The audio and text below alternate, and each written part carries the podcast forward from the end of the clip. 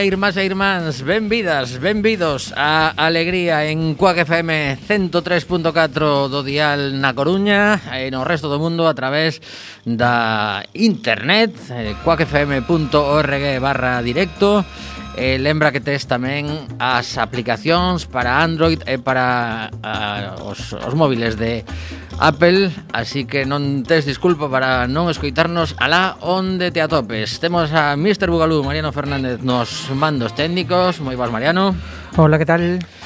E Tomi Desastre, ocupando a digamos, a, a peza clave deste lanzamento que chega hoxe con dúas entrevistas a dúas mulleres que teñen moitísimo que contar que levan unha tempada de sufrimento bastante considerable as dúas, pero eu creo que é importante que sexamos conscientes do que está do que está pasando. Unha muller que tivo eh, a Covid e eh, que as, as secuelas están sendo moi longas para ela esa será a segunda parte do programa. E na primeira imos falar con unha, unha moza para nós para Mariano e para min que coñecimos facendo, facendo radio en noutra emisora, en Carral e que dende pequena tiña algo que a facía diferente e, e que agora mesmo como muller adulta e ademais eh, está embarazada pois ten unha historia detrás e ademais un proxecto que, que é para axudarse a, a,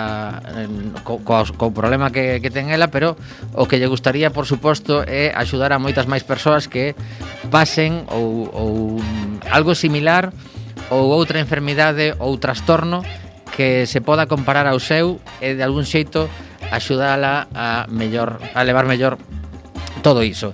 Estamos eh, no mes de abril, mañá é o día da, da República, ademais desas cifras redondas, eh, que estamos cumplindo, se non me equivoco, así votando conta son 80 80, no, 70, uh, acabo, acabo de facer unha, unha chapuza mental e me, me acabo de cruzar. Mariano, ti votaches a conta así rápida? Home, 90, non? 31, 21. 31, 21, correcto. Correcto.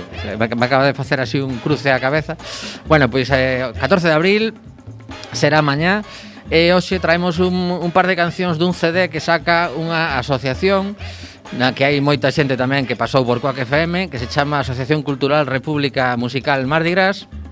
Son 20 cancións donadas polas, polas bandas e os artistas que participan nela, case todas da Coruña, eh, un CD que se pode conseguir en, en bastantes puntos eh, de venta, por 10 euros se, se non é eh, socia, e, e 5 no caso do, das persoas que teñen xa o seu carné, e eh, a verdade é que mm, estamos contentos porque mm, de algún xeito reflexa moitos estilos. E eh, Está, hai cancións en galego, en, en castelán, en inglés, hai rock and roll, hai canción de autor, hai un funk experimental, podemos chamar, e hoxe pois decidín traer a, a unha das bandas máis veteranas, que son Cenzar, con vocixa a voz, ademais nunha colaboración con co cantante de Boicot, esta canción que fala de, de abusos. Eh, falan de que abusaron de moitas cousas, entre elas do estribillo peleón. Estos son os Cenzar co seu abusei.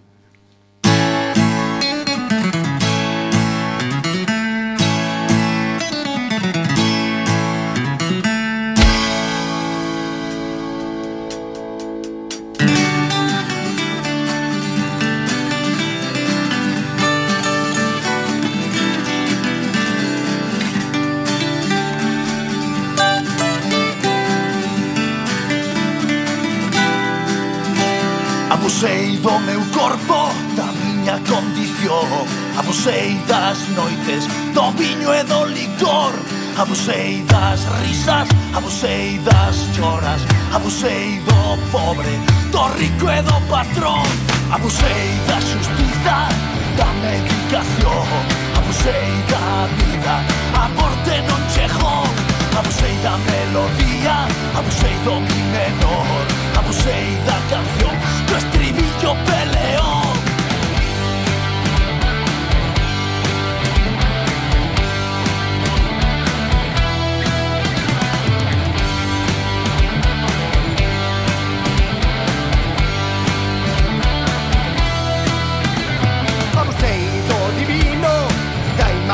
nación.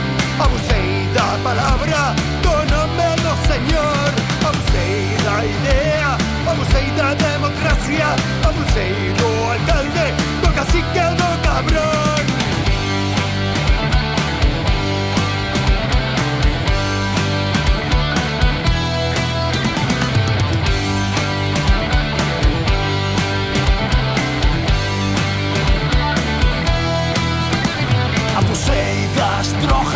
Abusei das mentiras Abusei do sexo libre.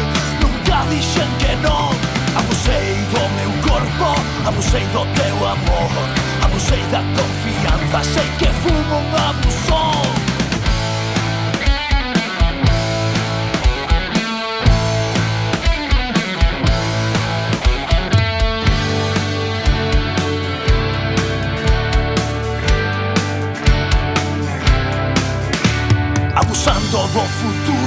abusando do pasado Abusando do mundo, ímolo matando. Abusando dos vellos, abusando dos de abaixo Abusando das miserias, dos pobres condenados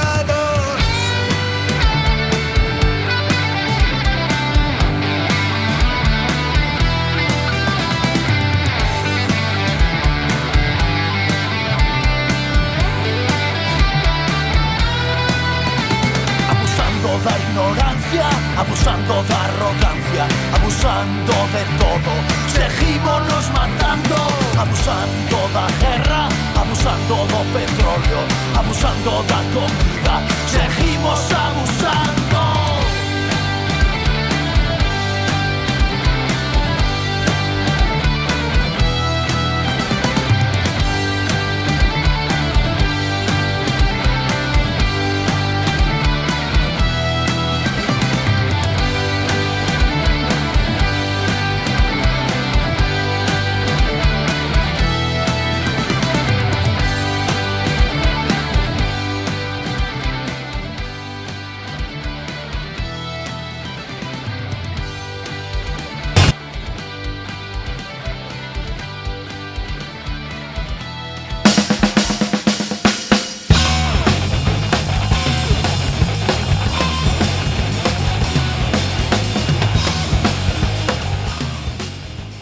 6 eh, da tarde, uns minutiños, estamos en Alegría en Cuac FM. Eh, non era mentira, temos unha conversa, mm, bueno, eh, teño que comentar, porque isto da radio ten as súas avantaxes que ninguén che ve, pero pero foi un momento moi chulo mm, ver simplemente de, detrás do cristal a, a Mariano falando con, con Gloria Mena, que nos coñecemos de fai moitos anos, ela era unha mociña cando chegou a, a súa experiencia da radio, aínda que xa viña de antes de, de facer radio no cole, e, eh, e molaba como se lle iluminaban os ollos a Mariano. A ver, a, a, xa estás tirando nos anos en riba, eh? No, no, no. Bueno, bueno Gloria, como estás? Hola, boas tardes. A mí tamén se me iluminaron os ollos. Eh? Tampouco me vedes, pero teño un sorriso de orella a orella. Estou moi contenta de poder falar con vos. Pois eh, imos aproveitar estes minutos porque estes tanto que contar que eu creo que vai ser o primeiro capítulo e eh, faremos algún máis con Gloria porque a historia vai, vai dar para, para máis dun, dunha charla. Eh, imo, imonos cara atrás, vale? Imos, eh, estábamos agora escoitando aos Cenzas de Cerceda, E ti tes sí. un, unha infancia en Carral. Sí, o ladiño de Cerceda, sí, uh -huh. eu nacida en, en Carral, criada en Carral. En, en que parroquia? Pois parroquia, o mismo centro, Santo Estevo, en Paleo, en Paleo. Bueno, pois eh, eh, Gloria comeza a, a ir ao cole como calquer neno ou nena, eh, aí comeza tamén un, unha etapa na que me estabas a comentar antes de, de comenzar o programa que pasaches eh, momentos moi duros, non? Pois sí, a verdade é que sí, eu eh, xa desde, desde o parvulario eh, pois notei moitas diferenzas co, cos meus compañeiros, cas miñas compañeiras e foi algo pois que me, que me perseguiu non durante toda a miña etapa escolar, tanto a obligatoria como non obligatoria, despois na secundaria, no bacharelato. E cando falas de diferenzas, mm, por exemplo... Pois mira, eh, pois a máis, a máis grande, así a bote pronto, que eu con 4 anos, cando entrei na, no parvulario, eh, non falaba. Bueno, non falaba como a ti ou como a min agora, eh, senón que tiña un idioma propio, tiña o meu propio idioma, E entón eso tamén dificultaba moito que o resto da xente me puidese entender porque só me entendía eh, meus pais, máis miña nai que meu pai, porque meu pai traballaba moitas horas, meu avó e eh, meu irmán. entonces miña nai levoume moi preocupada o primeiro día do cole, eu iba felicísima, iba moi contenta, E a profesora, eh, acórdome perfectamente dela, chamábase María José, de dixo, non te preocupes, porque aquí, como non entendemos, eh, vai a ter que aprender a falar xa E nada, as tres semanas, miña nai voltou a falar con María José e dixo, jo, es que se le entiende tan bien, se le entiende todo, entonces no hai problema con ella, no hai problema. E despois, bueno, pues os típicos comentarios así un pouquiño machistas de logopedas e, e médicos da época de non se preocupe señora, eh, é muller, vai acabar falando polos codos, non? Entón, pois, ese foi o diagnóstico nun principio. Vale, Básicamente que, que eras muller e eh, eras rariña, non? Sí, que bueno, que nada, que serán cousas de nenos e que despois, como era muller, que iba a falar, home, que, mm. que non coñece, que todas as mulleres falan, todas, todas. Sí, sí, sí. bueno, pero isto, isto é o comezo, que, que iso ia toda feliz a, a clase, pero despois a, a cousa foise complicando, porque mm, a, a relación con cos teus compañeiros e compañeiras parece ser que, que non era casi casi non era nin relación, non? No, por, por desgracia non, non era moita relación. Eh, ao final, bueno, eu creo que todos todos e todas nós fomos ao colexio e, e sempre sabemos ubicar ao rarito da, da clase e sa, eh, sabemos eh, perfectamente pois as cousas que lle facían, dicían, bueno, pois neste pois neste caso era eu, igual eu tiña outro tipo de inquedanzas, tiña outro tipo de habilidades para poderme relacionar ca xente que igual non son tan típicas ou tan usuais e, e bueno, pois aí se, sempre se marcaba unha diferencia. Entonces pois primeiro pois en parvulario pois o típico que te van deixando un pouquiño de lado, que non se falan moito, tal, e pouquiño a pouco conforme vas crecendo, que nin siquiera estou falando así de moita idade, porque eu do colexo de Carral marchei con 11 anos, así que imagínate, eh, pois eso, pois xa pasamos a, a non poder ir a un recreo, eu de feito,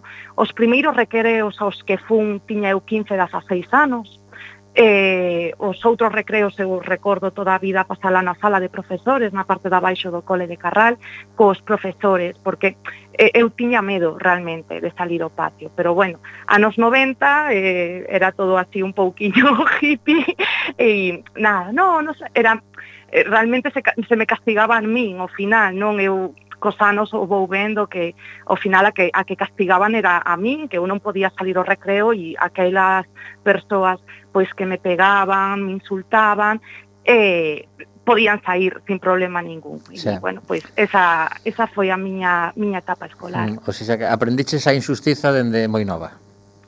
Por desgraza, si, sí, eh, eh, sei que eh, que foi moitas veces de, desde o, o enorme cariño que me tiñan os profesores, o que pasa que se xuntou o enorme cariño ca enorme ignorancia sobre todo isto, non? Entón, pois, pois bueno, por desgracia, pois aconteceu así, pero como eu sempre fui un, unha persoa como moi independente, con outras inquedanzas, tiña outras cousas na cabeza, pois tampouco botei moito de menos. O botei máis de menos sendo xa maior, dicindo, uh -huh. jo, pois todo o que me perdín, non? Decías antes que marcharas con 11 anos do, do cole de Carral, cara onde fuches? fun ao Instituto a Cambre, precisamente porque eu pensaba que, claro, desde tamén a miña ignorancia, non? Pensaba que era pois máis do sitio, non? Que igual, pois eso xa estaba moi queimado, xa era unha relación como tan cíclica, non? De que, pois, mentras que eu seguiste aí, iba a ser o mismo todos os anos. Entón, como eh, eu xa son da, da ESO, non son da, da EGB, fun dos primeiros anos, se non fun o primeiro, creo que fun o segundo, eh, polo menos da zona, eh, xa a eso podía la estudar en, en Cambre.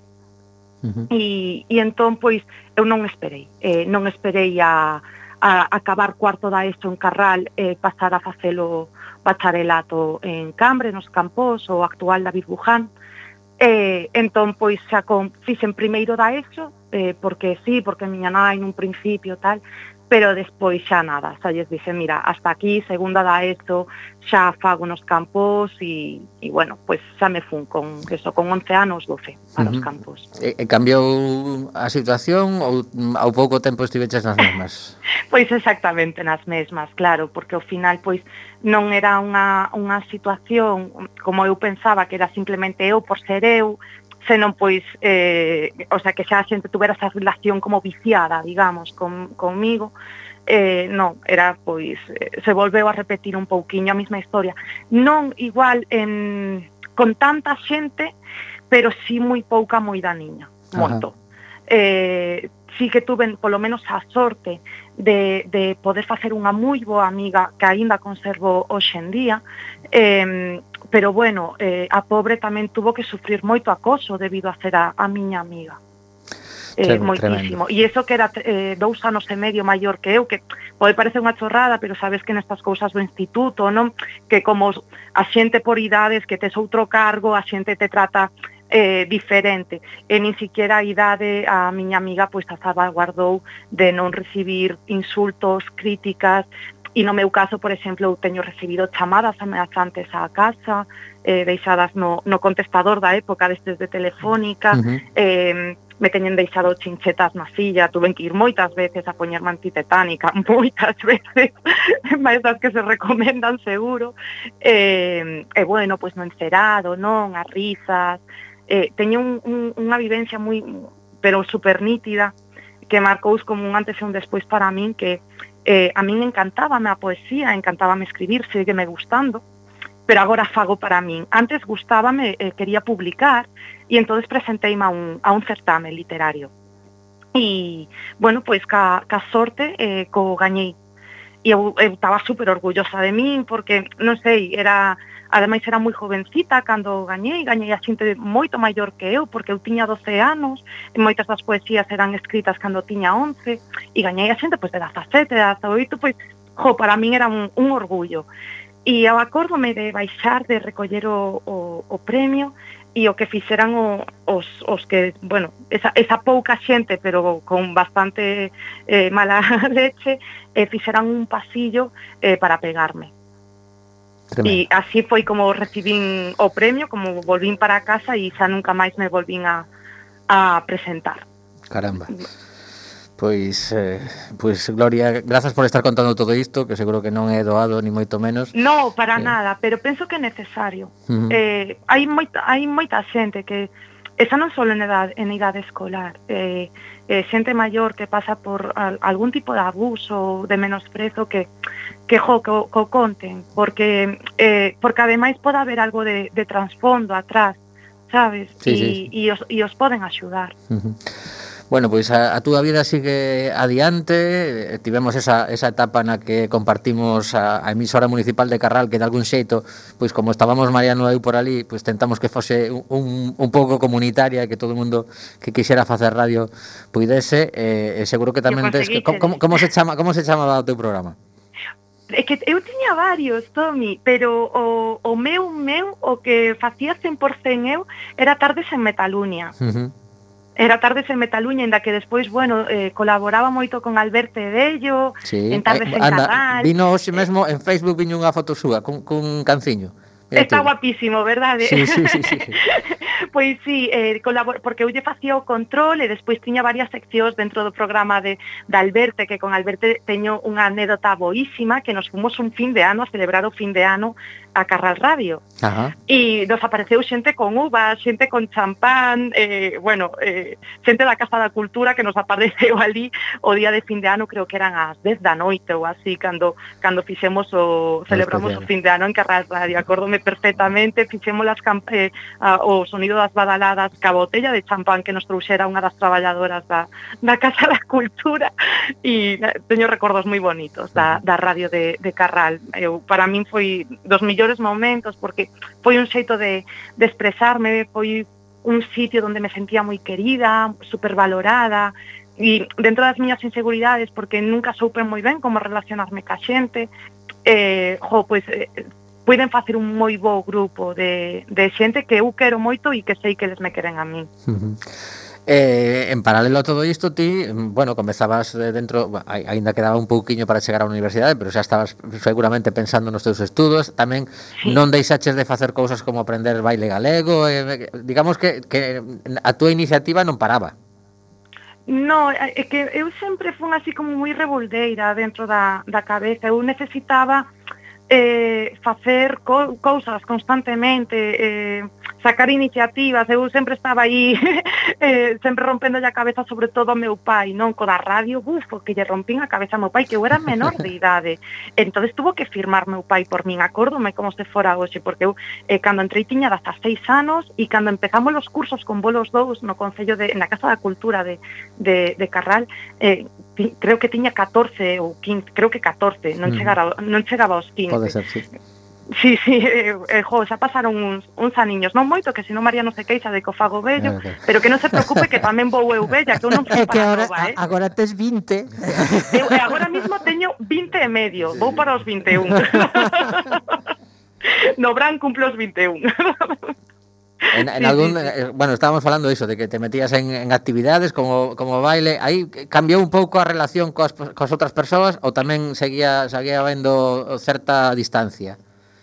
Eh, eu sempre de, eh, mm, distancia, pero non, non, non polas persoas, era xa máis por min, Parte un porque eu xa de xeito natural, despois o aprendín co tempo, non? Pero de xeito natural pois sí que teño certas dificultades a hora de, mm, de socializar, eh, da comunicación social, cousas que a xente eh, non lle costan nada e que a xente pensa que a mí non me costan nada porque me ven falar, me ven rir, rodeada de xente, pero a mí me está costando moitísimo. Eu, buf, as veces que teño chegado chorando a casa por estar ao lado de tres personas amigos, ni siquiera desconocidos, senón amigos, durante máis igual de dúas horas eu chegar a casa e esa ansiedade tela que quitar por algún lado, porque sí que me costa moito esas relacións sociais. Uh -huh. E entonces é un trasfondo que a xente non ve, non que o, que o deixas para ti na casa, porque parece que sempre tens que estar forte, ben, porque ti ves a xente que está ben, non ves a, a ninguén que este nun bar e que este eh, triste e, e, e que non sei pa falar, non? A xente está pasando ben e eu non, eu é todo o contrario E mm, entonces pois pois eso, eh, eh, por unha banda pola miña falta, non, de habilidades sociais e por outro pois claro, a xente lógicamente si che costa chamar, non chamas, eh, non che gusta salir, non vas aos sitios, pois tamén a xente se acaba lonxando, non? Uh -huh.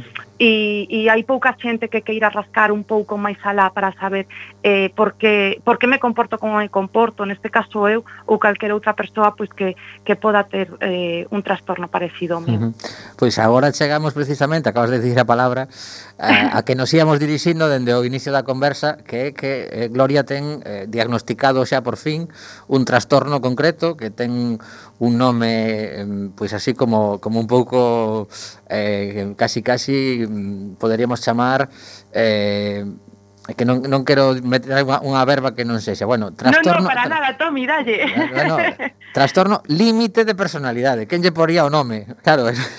Bueno, creo que en inglés é borderline, que aínda vale. queda como máis... Vale, aí vale, estamos vale. como ao borde do abismo. E ao final é eso, é que uh -huh. realmente é, é o que significa, non? Que estamos como sempre ao borde do abismo. E que, quen, quen foi a persoa que conseguiu eh, chegar a esta conclusión que, que, que médico que porque claro hai, hai antes dicías eu cando cando contactei con Gloria para falar hoxe ainda que xa xa viñan un pouco antes eh, que tiñamos pendente eh, charlar eh, eu citei a palabra enfermidade e me dixo non é un trastorno. Onde onde está eh, quen quen determina eh, onde está a, a palabra enfermidade e onde está a palabra trastorno?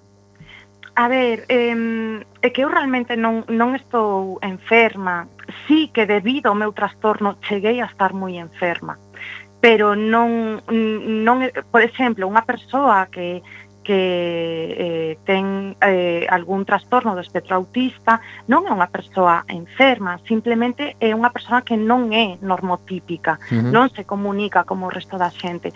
O mesmo nos pasa ás persoas con trastorno límite de personalidade, o que pasa que hai tantos trastornos límites como persoa. Uh -huh. O que sí é que mm, gran parte da xente que temos trastornos límite, hai moitas enfermidades eh, asociadas e eh, trastornos asociados Entendo. a, mm. a esa. Claro. Entón, sempre digo que como en, o nome principal e despois temos moitos, moitos, moitos apelidos que parecemos unha casa real, sabe? Vale. temos moitos apelidos. Sabe? Uh -huh. E te, tes contacto con outra xente que, que teña diagnosticado algo similar?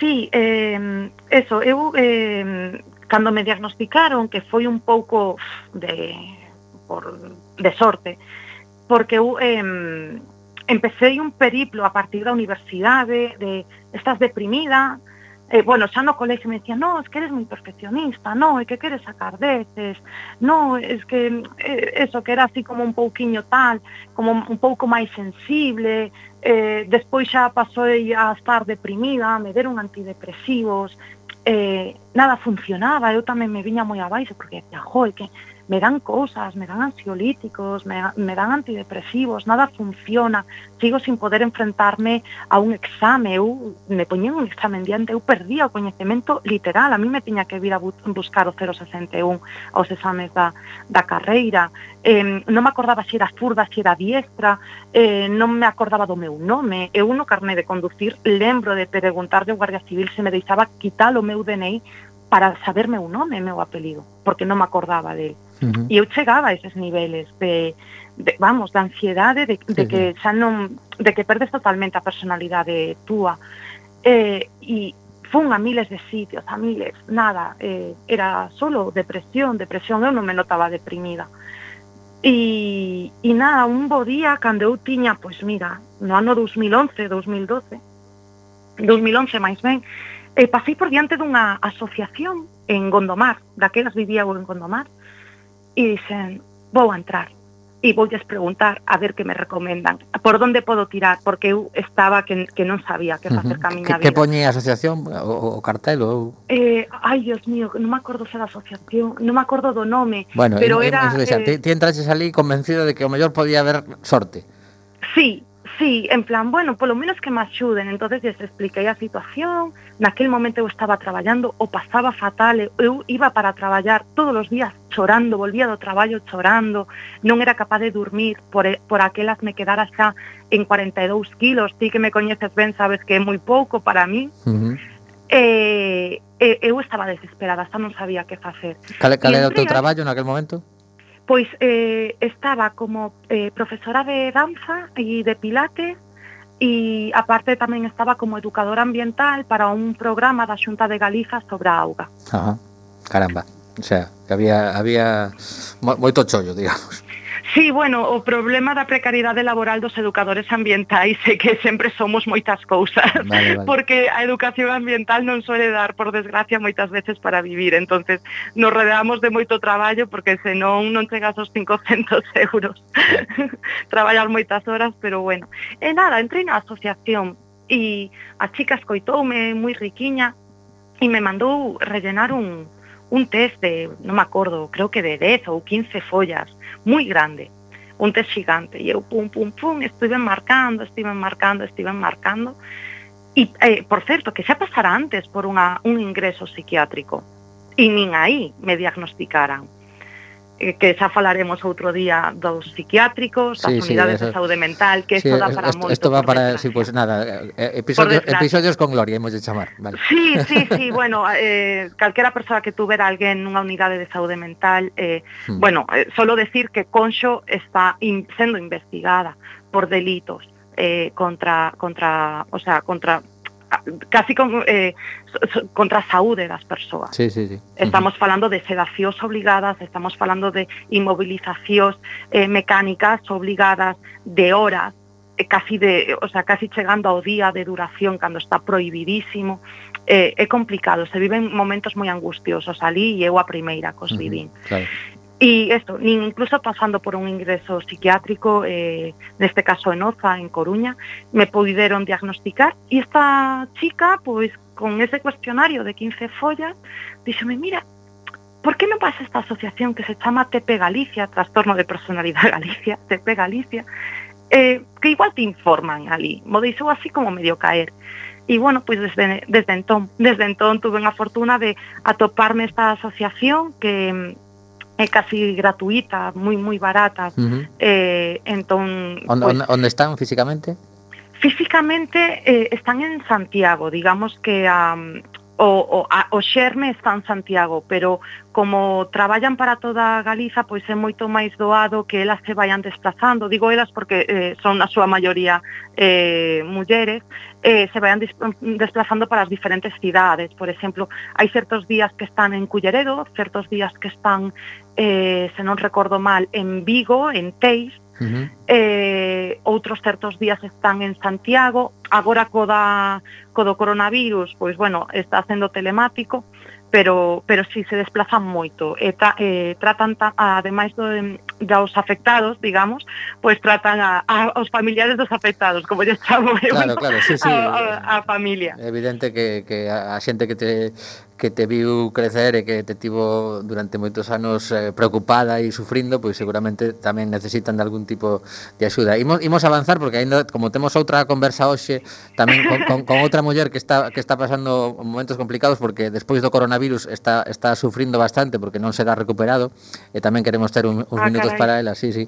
Pois imos, imos avanzar un pouco contigo aínda que iso, que queda queda o compromiso de, de voltar a falar porque porque non nos vai dar tempo nin, nin moito menos de explicar todo o que queremos, pero eh, Gloria agora mesmo está eh, traballando con, con un proxecto no que hai un can que xa está especificamente pensado para que poda ser a túa axuda na vida, verdade? Sí, sí, o meu compañeiro de, de, de vida. Eh, e chamase Neme, é un canciño que é de protectora está dentro dun programa que lle chaman o Proxecto Terra, que é de Ada intervencións asistidas con animais. E tardei moitísimo en poder atopar un sitio que fixera isto, e ademais pois cas ventaxas e cos beneficios e, e incluso ca, ca, ca práctica que ten ela porque en eh, moitos sitios se o daban pero eran cans de cría eu igual porque eu son así ou pola conciencia que teño de ter traballado tantísimos anos para protectoras de animais, non me sentía a gusto eh, comprando eh, un can e este proxecto era exactamente eso, coller un can dunha protectora cunha habilidade especial e pasalo a unha familia cunha necesidade especial que neste caso son eu. E entonces levamos desde eh, setembro do ano pasado traballando con el, eh, si todo vai ben en xullo, agosto deste ano, setembro, dependendo, porque os seres vivos son así, son impredicibles, entonces non podemos poñer de cancelas o monte a ver como se vai eh, como vai evoluindo o canciño, eh, pois supoño que xa modarán e claro, o problema de todo isto pois é financiar o, o canciño. Claro. E agora eh, a xente que, que xa coñece o proxecto pois pois xa leva tempo axudando nas súas posibilidades e contanos como como se podería colaborar co teu proxecto que ademais mm, vai máis alá de que simplemente ti teñas ese can, sino que ti pretendes eh, transmitir os teus coñecementos e a túa experiencia en todos os sitios que che deixen. Pero imos, sí. prim, imos primeiro a que, a que nos contes como, como axudarte. Vale, pois para axudarme a min e a outra moita xente eh, poden entrar no GoFundMe de un chaleco para Neme, eh, como Monte Neme, un chaleco uh -huh. para Neme, e ali poden eh, facer eh, a aportación que les estimen oportuna desde un euro ao que queiran. Eh, non hai non hai cuota mínima. E tamén, se hai alguén que nos escoita, que pensa que pode axudar, inda que non sexa económicamente, pois ten unha empresa e nos pode deixar un local para, de, para dar unha charla, ou nos pode donar, non sei, bocadillos para vender e con, con eles, o que sexa, calquer cousa, calquer idea que a calquera dos que están aí ao outro lado, se lles ocurra, vai a ser moi ben recibida, podense poñer en contacto tamén a través da planta, plataforma de GoFundMe, ou senón, eh, poñerse en contacto... Como, como é a página web, perdón?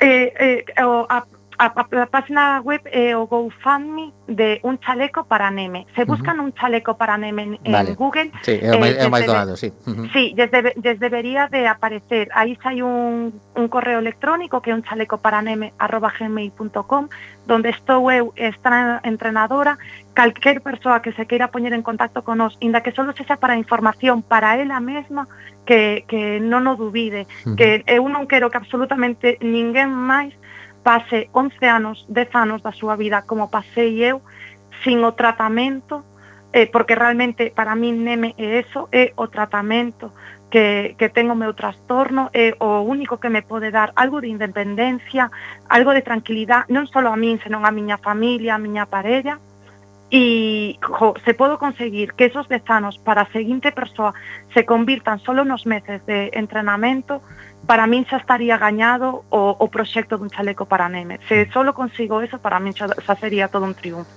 Pois sí, pois eh, está claro que, que axudar os demais cando ti pasaches por sabendo o sufrimento que supón eh, e que seguramente pois haberá hai, hai unha especie de estatística de, de máis ou menos eh, que porcentaxe da poboación ten un, trastornos mm, similares máis ou menos, ou é moi complicado de saber É moi complicado porque eh, se mal diagnostican eh, moitas veces, pero que o que sí eh, que vamos eh, a, a nivel de, de, algún tipo de enfermidade, de trastorno mental, é un porcentaje amplísimo da poboación.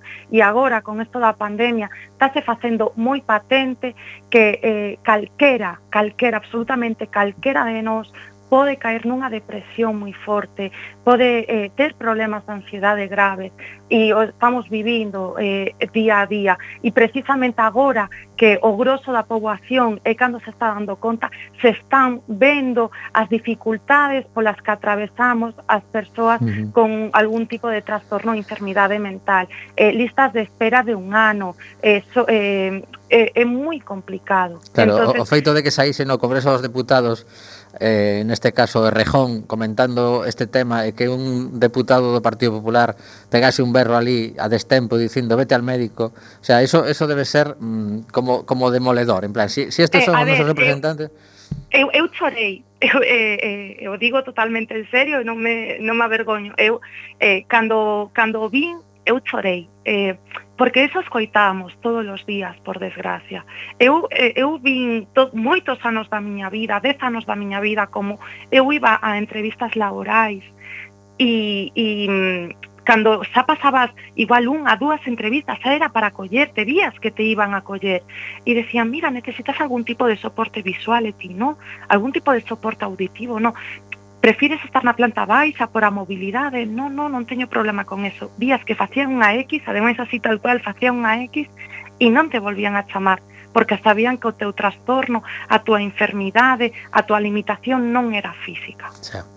Estamos falando de que o 85% da población que ten algún tipo de trastorno de diversidade funcional psicosocial non teñen traballo e dese 15% só chegan a traballar dous ou tres anos da súa vida con soldos inferiores a 700 euros ao mes. Xa. Son cifras demoledoras. Sí, Son sí, sí. cifras demoledoras. Totalmente.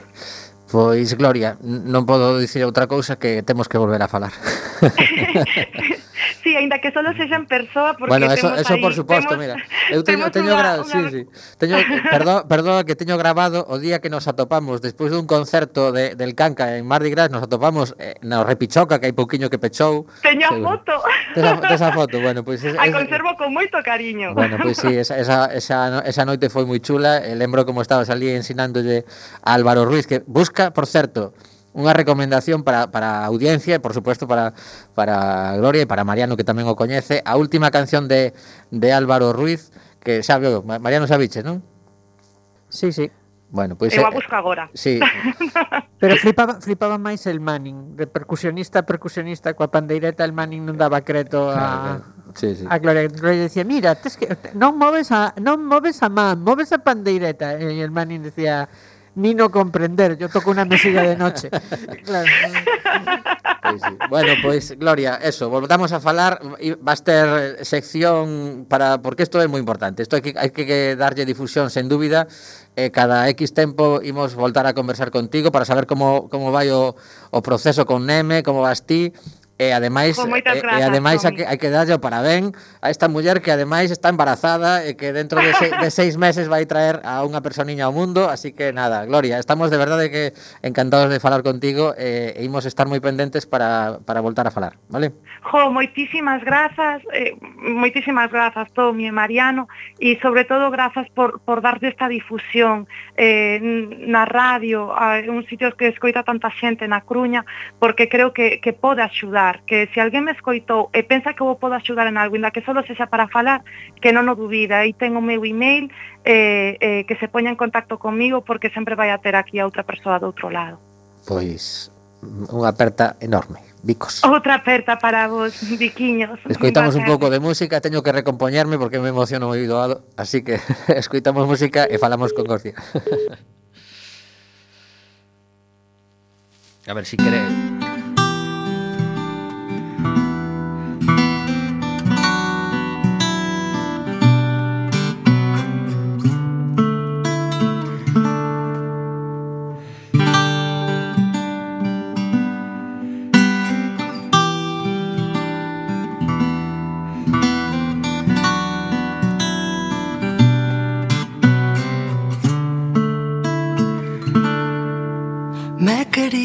sacar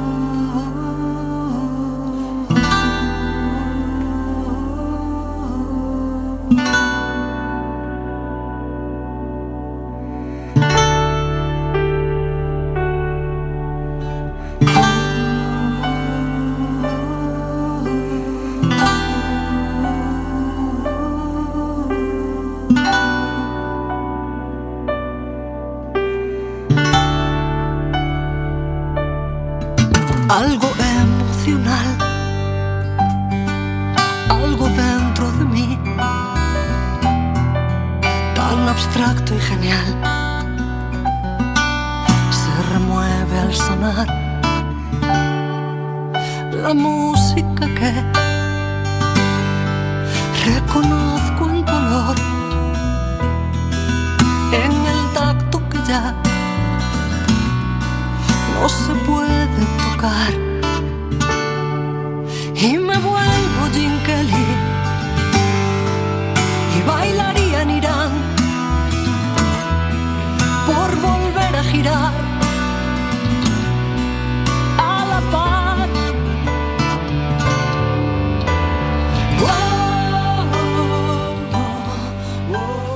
Seguramente xa coñeces esta voz, é de Silvia Penide. que despois de ano e pico sen poder tocar coa súa banda ao completo, como moitos artistas este ano eh, longo de pandemia, pois regresa a, as táboas, neste caso Teatro Colón, sábado 17 ás 7 da tarde, entradas disponibles e entrades en teatrocolón.es e eh, bueno, podo vos asegurar que, que Silvia chega con unhas ganas increíbles e eh, os seus músicos, por suposto, tamén, así que, bueno, unha, unha tarde para, para disfrutar. E a semana seguinte no Colonte de Saguadi Galego presentando outro disco fantástico. Estade moi pendentes da, da programación do que vai mm, por fin empezando a, a, a poderse facer a, a nivel cultural. E como dicía antes, temos a segunda conversa do programa de hoxe, outra outra muller que, que neste caso gustaríno de falar con Gostia Trebaz de, de cousas artísticas que tamén nos pode contar si, si de algún xeito está sacando forzas para, para crear arte ou, ou esa, mm, eh, ese tempo que levas mm, post-Covid está facendo imposible. Hola Gostia, como estás? Hola, boas, querido Tommy, pues... Estoy, eh, como te diría yo, después de un año y pico eh, de baja médica y de incertidumbre, estoy muy, muy contenta y satisfecha de seguir viva. Eso son, son, es lo más importante. Y luego pues voy poquito a poco a pasos muy lentos, a veces adelante, a veces atrás, y es, es así un poquito la, la tónica de, de lo que lo que tengo que vivir últimamente. Cuéntanos, eh, ¿en qué momento eh, cogiste el virus y cuánto tiempo pasó hasta que llegaste al hospital? Un poco ese, primer, esa primera etapa, antes de después lo, que lo que llevas viviendo todos estos meses, una vez que te dieron el alta, en teoría, claro. Claro, claro. Es que yo me puse mala eh, con, con principio de, de desarrollo de la pandemia hace un año en marzo eh, estuve en hospital cinco días, que pasé muy, muy mal. No me llegaron a, intubar. Eh, por eso, como en aquel momento había falta de camas, me dijeron que me van a seguir desde, desde casa, a lo que yo, la verdad, que, que bueno, que acudí o atendí o, o me sentí súper, súper feliz por ese motivo, porque como creía sinceramente que me iba, no me quería ir sola en el hospital, prefería, pues, si me, si, me fuese despedirme de los más cercanos. Entonces estuve aquí en casa pasándolo muy mal un mes eh, entero, bueno, un mes entero con, con, fiebre y tres meses encamada. Así que estuve tres meses después de ingreso en marzo en el hospital encamada en mi, en mi casa, con antibióticos, con tratamientos y eh, con, una, con un eh, seguimiento de, los médicos por teléfono. O sea, casi, casi no, no, tenías contacto con ellos directo. No, no, nunca, no. Después de, la, de, mis cinco días en hospital, el contacto directo desapareció eh, durante casi siete, ocho, ocho meses que no vi ningún médico personalmente. Me estaban tratando, sí, me estaban tratando por teléfono. Y, claro, eh, yo en principio cuando empecé a salir un poquito, cuando me, ya terminó la fiebre y eso, y empecé a caminar un poco, tenía mucha dificultad porque perdí masa muscular, estando en cama de tres meses, imagínate, perdí totalmente musculatura, eh, la grasa corporal, entonces, eh, claro, caminar me costaba, es como, como un bebé, como están haciendo, empezando aprendiendo a andar de nuevo, ¿no? Sí y bueno, y me dolían los huesos y tal, y pensé que eso estaba motivado por, por eso, por este parón tan largo, pero, pero los dolores se estaban convirtiendo en cada vez más fuertes, más fuertes, y llegaron a ser, bueno, insoportables. Entonces ya... ¿Dónde te dolía en especial? Todas articulaciones, todo, todo el cuerpo, musculatura y todo el cuerpo, desde, desde los dedos pequeños de los pies hasta, hasta las pestañas, todo, todo, y caminando es como, como que te clavan mil cuchillas o te intentan arrancar las venas. Bueno, es una sensación rarísima y en los dolores que yo pude pasar anteriormente por algunas contusiones o por, por, agujetas o por lo que sea, e, era totalmente eh, que no lo podía comparar con nada. Y es más, hablé posteriormente, después de seis, siete meses que me pasaba eso, que yo no sabía que me pasaba, entonces yo preguntaba a mi médico de cabecera, ¿Qué es lo que me pasa? ¿Qué, qué tal? No, no sé, no tengo ni idea. En aquel momento no se hablaba de COVID persistente y nadie sabía qué pasa. Entonces, claro, él me mandaba analítica de sangre, eh, me hacían pruebas, me decían que más o menos está todo bien, que no hay nada raro. Entonces era como una locura porque la analítica salía bien y yo estaba cada vez peor. Y, bueno, y ese, esos síntomas a lo largo de tiempo ya investigando yo sola por mi cuenta, eh, pues reconocemos las personas que los, los, pasamos pues de una manera muy muy muy parecida no que no es nada comparado con otra enfermedad y tiene tiene ese ese dolor que no sabes de dónde viene bueno y no solamente dolor de, cuerpo es que dolores de cabeza fatiga constante eh, de repente pérdida de, de, memoria, que te quedas en blanco y luego te vuelve unas cosas rarísimas, rarísimas el tema de, pérdida de, olfato y de gusto, pues eso sí también lo pasé, pero lo recuperé en tres meses, pero bueno, eso no tiene tanta importancia como, como lo que estoy pasando ahora mismo, ¿no ves que estoy hablando contigo y me ahogo? Y, tengo los pulmones bien, no los tengo destrozados porque me han hecho una radiografía y me han dicho que está bien, que, hay muchísima gente que se queda sin pulmones y no se puede levantar de las sillas y están totalmente destrozados. Así que bueno, yo Caramba, todo, pues, todo, malo lo que siento, pues no estoy tan mal como hay algunos que quedaron después de eso. Mm, ¿Estás en contacto con, con más gente que está pasando un proceso similar? Sí. Sí, estoy con, sí, eso nos ayuda, eso me ayuda a mí, porque yo lo que te estoy comentando que durante un año aguanté, porque todo el mundo decía, claro, es un proceso largo, largo, tienes que, insistir y tal. Bueno, yo lo estoy haciendo lo, lo intento hacer, pero, pero, pero mi médico sigue sin respuesta ninguna, aunque yo le mando los artículos y cosas nuevas que, que están apareciendo, investigaciones, es como que no, no, como que me hace sentir, eh, no sé, un poco no sé cómo decirlo, no me siento arropada eh, psicológicamente sobre todo, ¿sabes qué te quiero decir? Me está sí, como, como que no, claro, no, tiene esa, empatía necesaria con una persona que está, está sufriendo tiene, y, tiene, tiene la justa, porque tampoco quiero ser injusta y decir que no la tiene de todo, porque claro, todo lo que le digo intenta darme tratamientos, los está cambiando, lo está poniendo, yo entiendo que están probando, lo que pasa que esa empatía psicológica yo en, hace, hace un mes eh, eh, realmente toqué el fondo y estuve pensando de terminar con todo porque yo de esa forma de que ahora mismo tengo que vivir, no quiero seguir viviendo siendo persona como soy, que tú me conoces de antes y era una persona muy activa, estaba haciendo mil cosas, estaba metida en mil proyectos, porque es mi alimento, el porqué de vivir es lo que necesito. necesito crear, necesito estar con gente, eh, compartir con ellos eh, lo que sé y, aprender de ellos lo que no sé, es, es lo que